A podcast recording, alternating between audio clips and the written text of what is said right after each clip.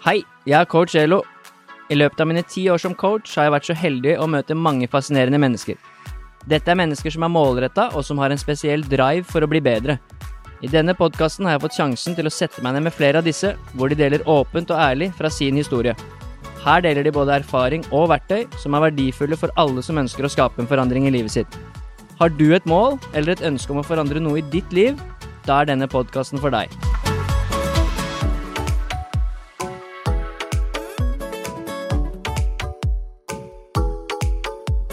Da er det bare for meg å ønske velkommen til Marcel da Cruz. Takk for det. Sier jeg navnet ditt riktig? Ja, det er riktig. Vi sitter på Magnat i Oslo, eller på Skøyen, der hvor du jobber. Og det er kult at du velger å stille opp, for du er en travel mann. Du skal jo ned og trene Kasper etterpå nå. Ja, jeg skal ned og trene han, og så reiser vi til Wien i morgen. Ja. Han skal jo være med i konkurranse, regner jeg med. Eh, Ja, det er en ATP 500 som går der, og så skal vi til Paris og alle ting eh, på den tida her. Så de sier at de eh, har greid å gjøre det trygt, og alt skal være helt isolert. Men for det om tilstanden i Paris ikke akkurat er den beste nå, så vi får se. Vi begynner med vin. Begynner med vin. Det blir spennende å følge med. Så vi skal snakke litt mer om Kasper etterpå. Eller jobben som du gjør sammen med han, da. Som er ganske fascinerende og imponerende. Takk. Eh, Men først så, så må vi høre litt hvem du er, da. Jeg har jo fulgt deg noen år og, og vet lite grann, men ikke så mye, egentlig. Du er jo åpenbart ikke helt fra Norge, eh, basert på navn. Og så, så vet jeg at du har vært profesjonell utøver sjøl. En sport som jeg syns er veldig kult, basket. Eh, så kan du ikke fortelle litt kjapt hvem du er, og hvor du kommer fra, og ja, hva du egentlig har drevet med? Ja, jeg, jeg, jeg er født i Brasil, eh, i Porto Alegre, og har en far fra Kapp Verdøyene og mor fra Norge. Jeg har vokst opp mest i Norge, og, eh, og da har jeg holdt på med veldig mange idretter egentlig som yngre.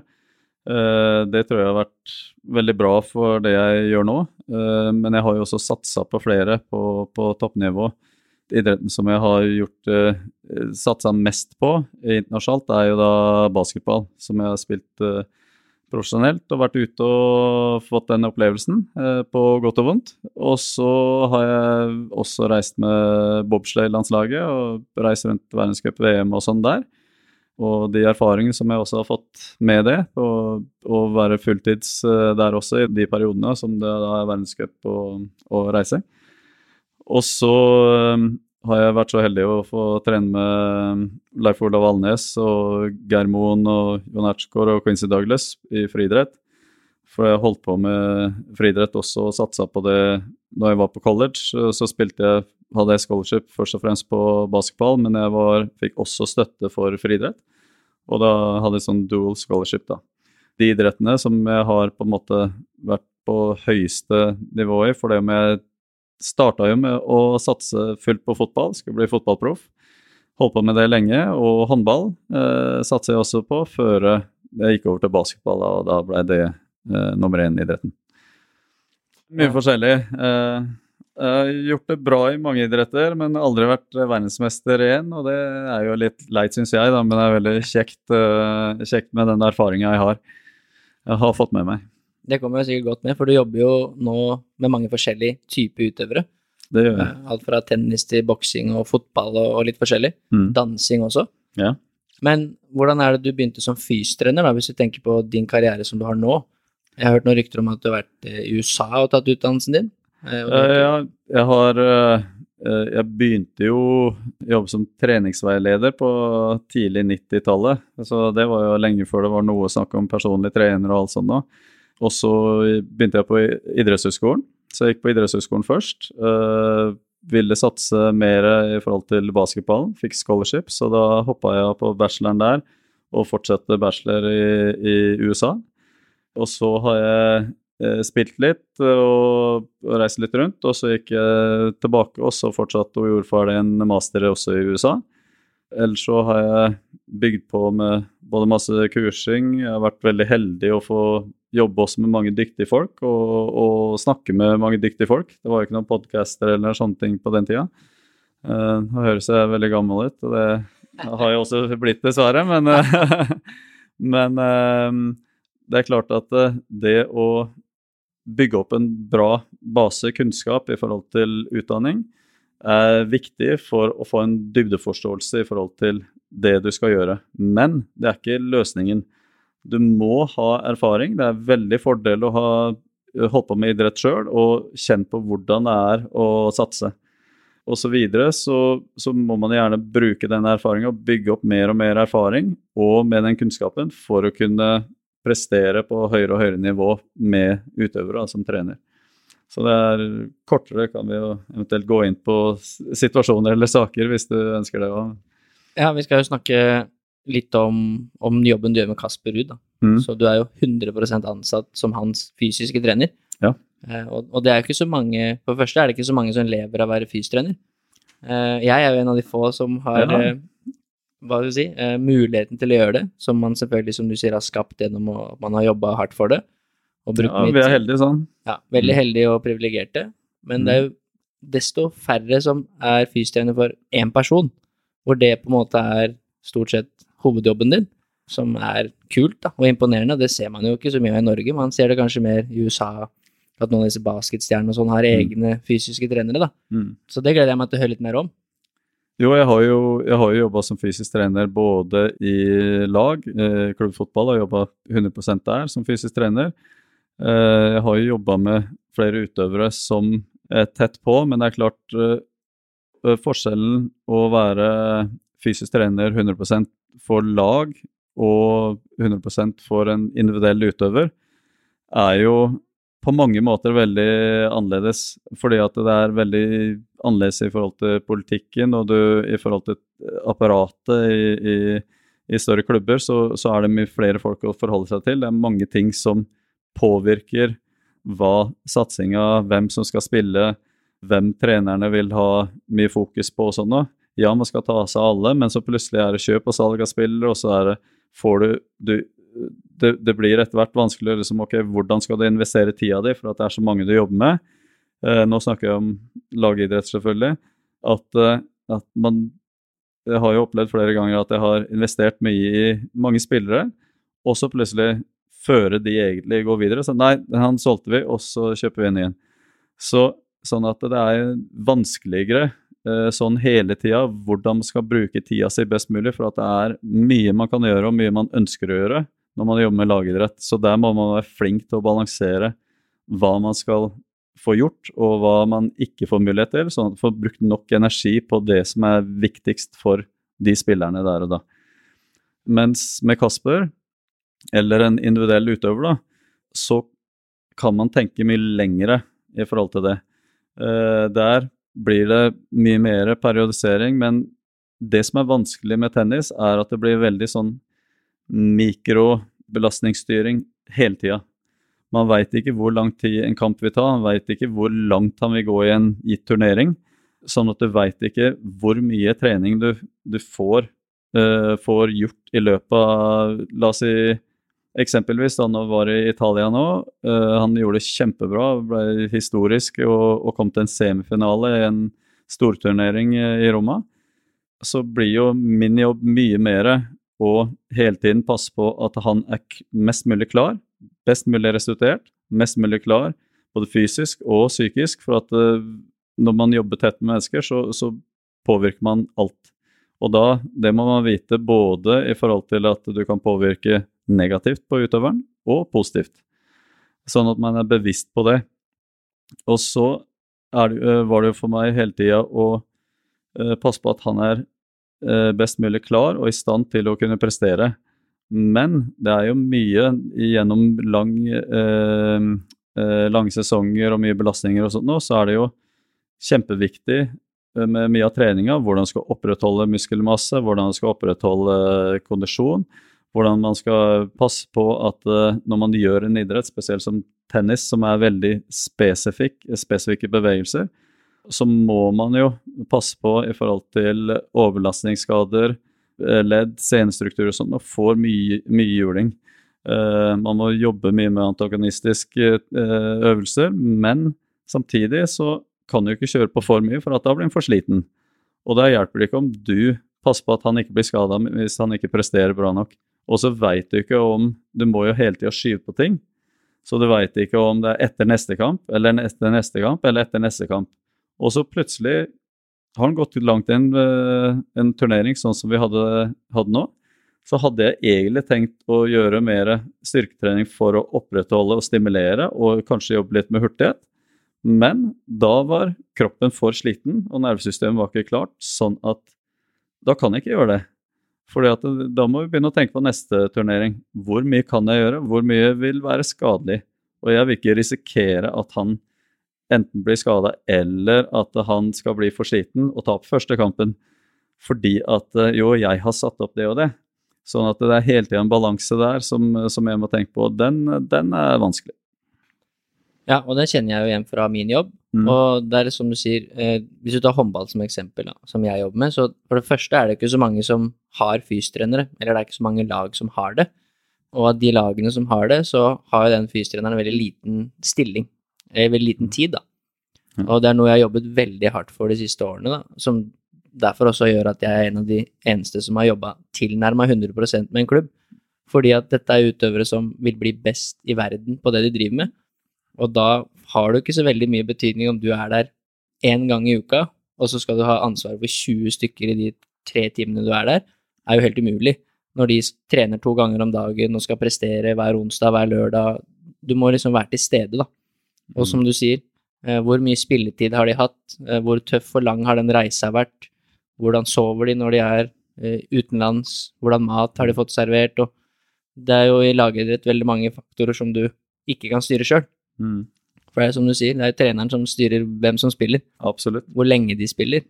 Eh, så man må, som du sier, være fleksibel da. hele mm. tida og forandre på treningsprogram. Du kan liksom ikke sette opp de neste tre månedene, så skal du gjøre sånn her. Eh, for du veit ikke hvordan de neste månedene blir. Ja, det er den fleksibiliteten som du er inne på der, som jeg mener at det er noe av det som krever erfaring og forståelse, og som er, gjør øh, jobben utrolig interessant. Det å tenke at å, jeg skal bare sette opp eh, det perfekte styrkeprogrammet fordi at eh, da får du den og den progresjonen, og bare se på det med skylapper, da bommer du, og da kommer, kommer, det til å bli problemer. Enten om de underpresterer eller blir skada.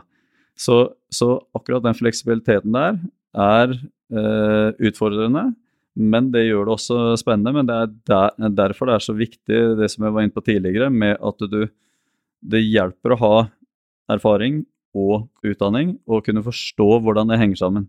Og det er ikke det at du, du må ha en uh, master- eller doktorgrad. Nei, du må forstå nok i kroppen til å vite det du påfører spilleren, og ikke minst den belastninga, hva slags type belastning de er utfor. Når du kan forstå det, så kan du begynne å balansere hvordan, uh, hvordan du skal best mulig utvikle spillerne. Samtidig så har du individuelle forskjeller. Så det må man jo også legge til.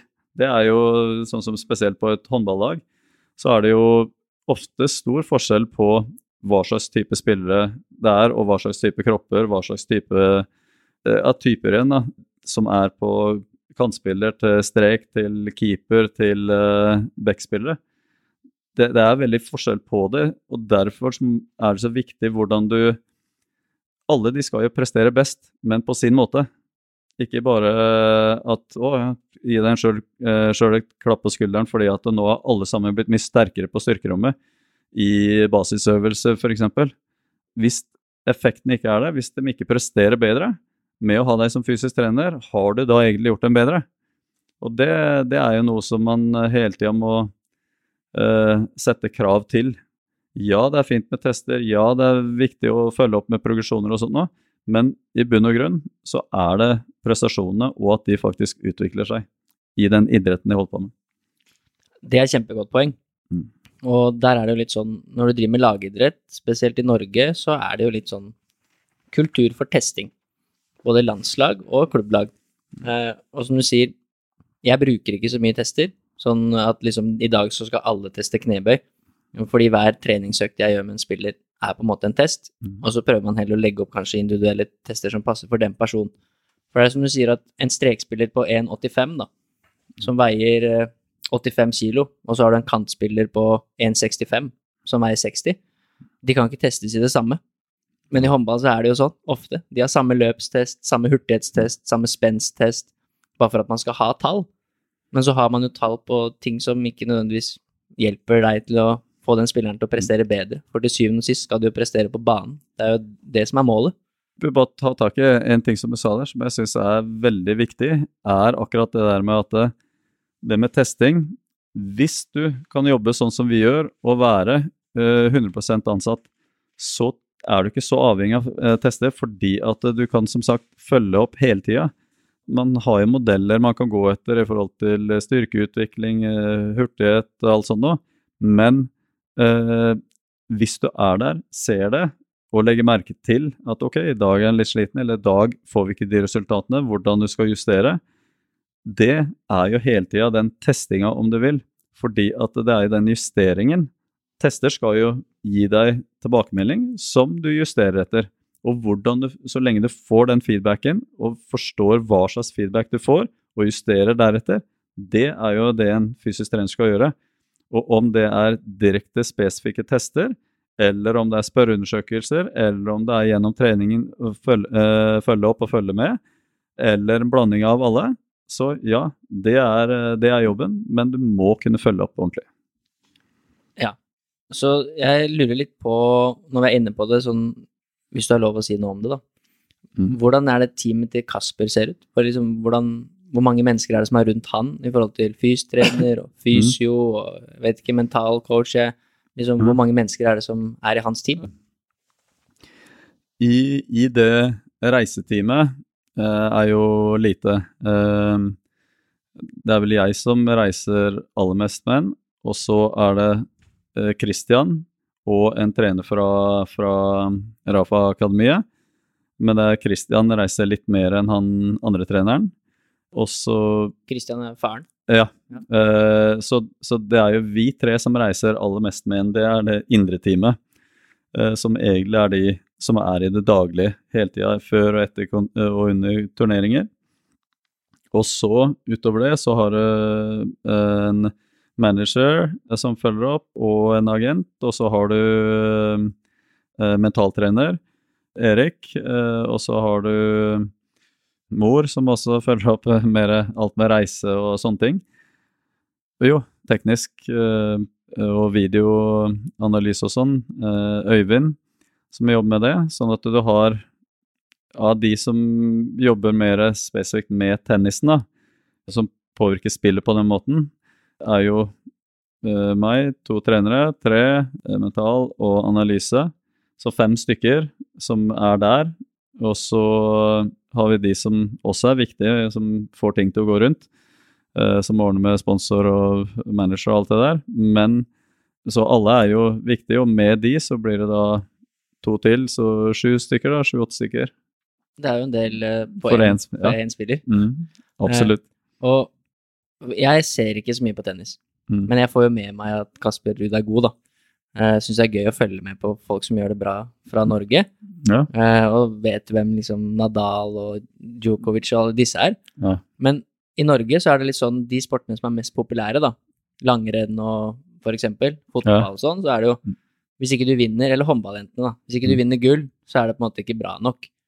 Mens i tennis er det jo sånn at nå er vel Kasper ranka som nummer 25 med et eller annet sånt. 25 i verden, ja. Så er det sånn 25. best i verden. Hadde det vært det som langrennsløper, så hadde du ikke blitt vist på TV engang.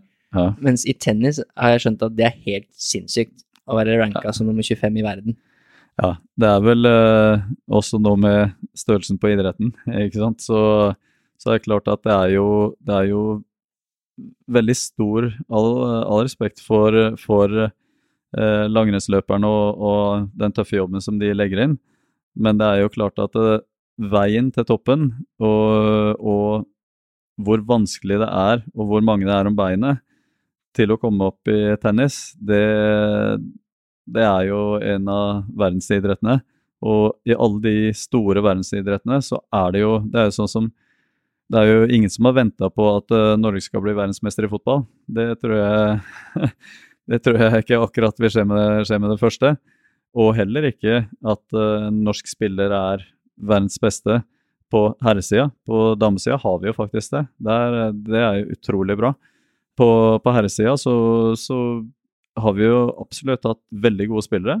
og topp, topp eh, spillere. Og, og, det blir litt på samme måte at de blir rangert som noen av de beste utøverne i Norge, men de er ikke i nærheten av å skulle være verdens beste spiller. Nå snakker jeg om herresida, da. Så det blir jo litt på samme måten som det, tenker jeg. Mm. Så, så være nummer 25 eh, i verden i tennis, det er veldig bra. ja. Er du for å sammenligne, for det om fotball er jo enda større igjen, men er du den 25. beste fotballspilleren i verden, så tipper jeg også at det er ganske kjent. Da er du ganske god. Ja. Braut Haaland er vel kanskje noe borti der etter hvert? ja, han, er ikke, ja, han er nok Han er jo på vei, i hvert fall. Han er på vei. Men uh, før du skal ned og trene med Kasper, for du skal ha en økt med han nå, ja. så lurte jeg på om du bare kan fortelle kort om hvordan livet ditt er som fystrener hvor mange mennesker du egentlig trener, fordi de fleste gjør ikke det på den måten som du gjør. Du er en ganske eksklusiv trener, hvis man kan si det sånn, da. Uh, ja. ja, nei, det, det, er jo hyggelig, det. Uh, sånn som vi har det nå, er det jo Kasper som jeg følger opp, som er, uh, som er eneren da, av de utøverne. Og så har jeg noen andre utøvere som jeg følger opp, som jeg har kontakt med jevnlig. Tre landslagsspillere på fotball. Josh Sander og Haitam. Og så er det andre, noen andre fotballspillere og noen andre tennisspillere som jeg føler eh, som når jeg har tid, eh, jobber litt med, og eventuelt eh, eh, hvis det skulle være en eller annen situasjon, så kan jeg gi tilbakemeldinger. Og så er det nå Cecilia Brekkhus eh, som er tilbake igjen. Og Mona Berntsen eh, danser. Og med de to så er det en situasjon hvor jeg er med og trener de og legger litt uh, føringer på litt forskjellige ting, Eh, mens det er uh, to andre dyktige trenere her på, på, Magnat som er de som trener de mest, og, og som også tar mesteparten av ansvaret der. Og de, de, har gjort en veldig god jobb så langt.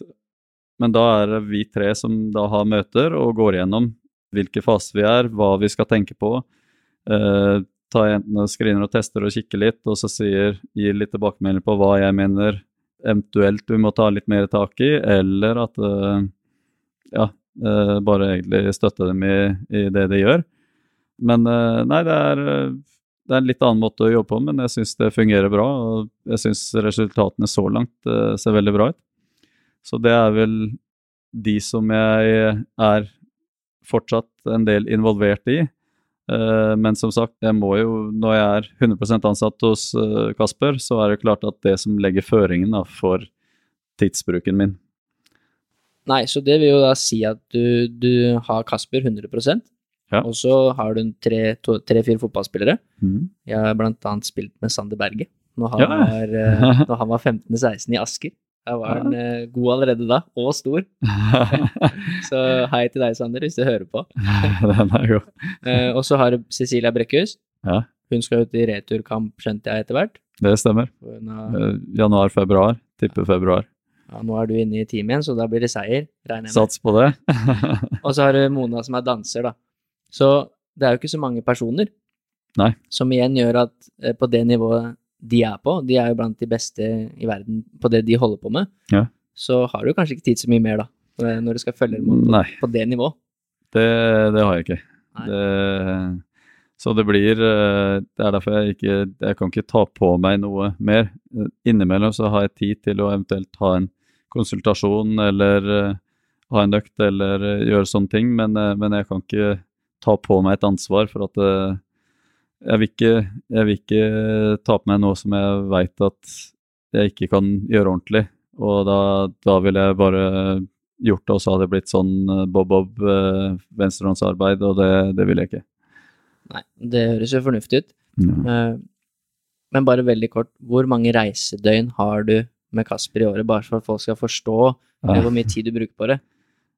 Jeg har uh, ca. 175 reisedøgn i året, som er rundt seks måneder i året. Og så trener jeg jo også når vi er her, så det blir jo noen, timer som vi ser hverandre. Men det er klart, nå, nå har, gjør han det såpass bra at vi kan få hvert vårt hotell, og det må vi også under koronatida. Men vi har hatt nok døgn uh, på rom sammen nå, så det er bra, Bra at det går bra. Han blir nok lei av å se trynet mitt òg. Ja, det blir en tett relasjon. Ja. Eh, Men som fystrener, da, eller som coach eller PT eller hva det Mm. måtte være, som følger opp utøvere på så høyt nivå, hvis du kan gi bare noen få konkrete tips, hva er det viktigste for en fystrener eh, når du skal samarbeide eller hjelpe en toppidrettsutøver, da? Uh, ha respekt uh, for, uh, for det yrket de, de har, for at det er De har ikke mye tid å miste. Det er en kort karriere hvis man tenker på livet generelt, og mange av de, eh, i hvert fall på det nivået her, ønsker jo at det er det, den karrieren som skal gi dem nok økonomi til å kunne i hvert fall drive, eh, eh, drive ja, kunne leve av, eventuelt investere og kunne være en basis, i hvert fall, for videre økonomisk inntekt resten av livet. Eh, så tiden deres er, er viktig, og um, det med tillit det er viktig å bygge en eh, god relasjon og tillit til eh, utøveren. For hvis de ikke har tillit til det du gjør, så hjelper det ikke at du har verdens beste treningsprogram. Hvis de ikke har tillit til det og gir 100% så blir det ikke 100% effekt. Da er det bedre at de har 100% tillit, og at du ikke har det perfekte programmet. Og det tror jeg heller ikke fins. Men de to tingene bygger jo på at du ikke bare skal hoppe på ting fordi at eh, 'Å, jeg er så motivert, jeg har så lyst'. Den respekten går jo også på at eh, du må være trygg på at du er klar for å ta på en, en sånn oppgave. For at hvis du ikke er trygg nok på det, så kommer ikke de til å tillite det heller. Og det hjelper ikke bare å ha, komme inn med selvtillit, du må faktisk være trygg på at du kan levere på det du sier at du skal levere. Det er mye mer skadelig for deg òg å skulle gjøre den feilen og ta på deg utøver som du egentlig ikke er klar for, og så begynner den utøveren å snakke om at nei, men jeg har trent med den personen, og det var jo ikke bra. Så for det om du har skjerpa deg, blitt bedre og utvikla deg, så kan det henge med deg videre. Og da er det bedre å ta det steg for steg, sånn at du er trygg. Ingen er perfekte, alle kommer til å gjøre feil, men vit litt hvor du er, og så ta det steg for steg. Ikke bare hopp på noe bare fordi at eh, du fikk muligheten for det. Og det er gode tips. Respektere tiden til utøverne, det er kjempeviktig. Å få den tilliten. Den er, det er jo mennesker vi jobber med, og ikke roboter, så det er jo komplekst, alt som påvirker det fysiske. Absolutt. Eh, Så for ikke stjele mer av tiden din, Marcel, så skal jeg bare avslutte med to spørsmål. Det handler ikke om fysisk trening, eller kanskje. Eh, Og det første er hva er du mest stolt av i livet ditt akkurat nå? Hva er jeg mest stolt av? Nei, jeg eh, var veldig stolt av Signe, stedattera mi, som, eh, eh, som har hatt eh, kjemperesultater eh, på både med trening og som person eh, i forhold til eh, Ja, det blir litt Jeg veit ikke helt hvordan jeg skal si det uten at det blir for personlig. Men eh, veldig stolt av det hun har fått til eh, eh, på, på skolen og som person. Veldig stolt av det. Kult at du nevner noe helt annet da, enn det som vi har snakka om nå. Ja, Eh, ja. Så det er kjempebra. Det, det, det er, det, det er jo, må vite hva som er viktigst i livet òg. ja, det er sant det. Og det siste, da. eh, Det er jo litt sånn dypt. Jeg pleier å spørre alle som er med om det. eh, For det er jo, jeg møter jo mange interessante personer. Og det er hva synes du vi medmennesker burde spørre hverandre om oftere? Jeg synes at uh, man uh, bør, eh, som mange sier, spørre hvordan folk har det, og faktisk være nysgjerrig på svaret. Det er mange som sier ting, også for å være høflig, for egentlig å snu det om seg sjøl, men faktisk uh, ja, se andre bry seg. Eh, spesielt i de tidene nå, for at det er eh, mange, sitt, eh, mange forskjellige skjebner der ute nå. Ikke bare i Norge, men i andre steder. Så ja, du bør, eh, eh, bør eh, se litt hva som skjer. Gode tips. Så tusen takk for at du ble med. Du er eh, en inspirasjon, tror jeg, for alle som driver som fystrenere, eller som ønsker å bli fystrenere. Du har sikkert drømmejobben til mange der ute, og den kommer jo ikke gratis. Det veit vi alt om. Takk for det. takk for det. det. Så nå skal du opp og trene Kasper, og jeg skal få lov til å være med og se på litt. Det gleder jeg meg til. Tusen takk for at du ble med. Da går vi. Takk. Tusen takk for at du har satt av tid til å lytte. Det setter jeg stor pris på, og jeg håper at du sitter igjen med noe verdifullt. Hvis du ønsker mer inspirasjon til trening og helse, følg meg, coach Elo, på Instagram. Der kan du også stille meg spørsmål, samt komme med tilbakemeldinger til podkasten. Du finner lenken i episodebeskrivelsen.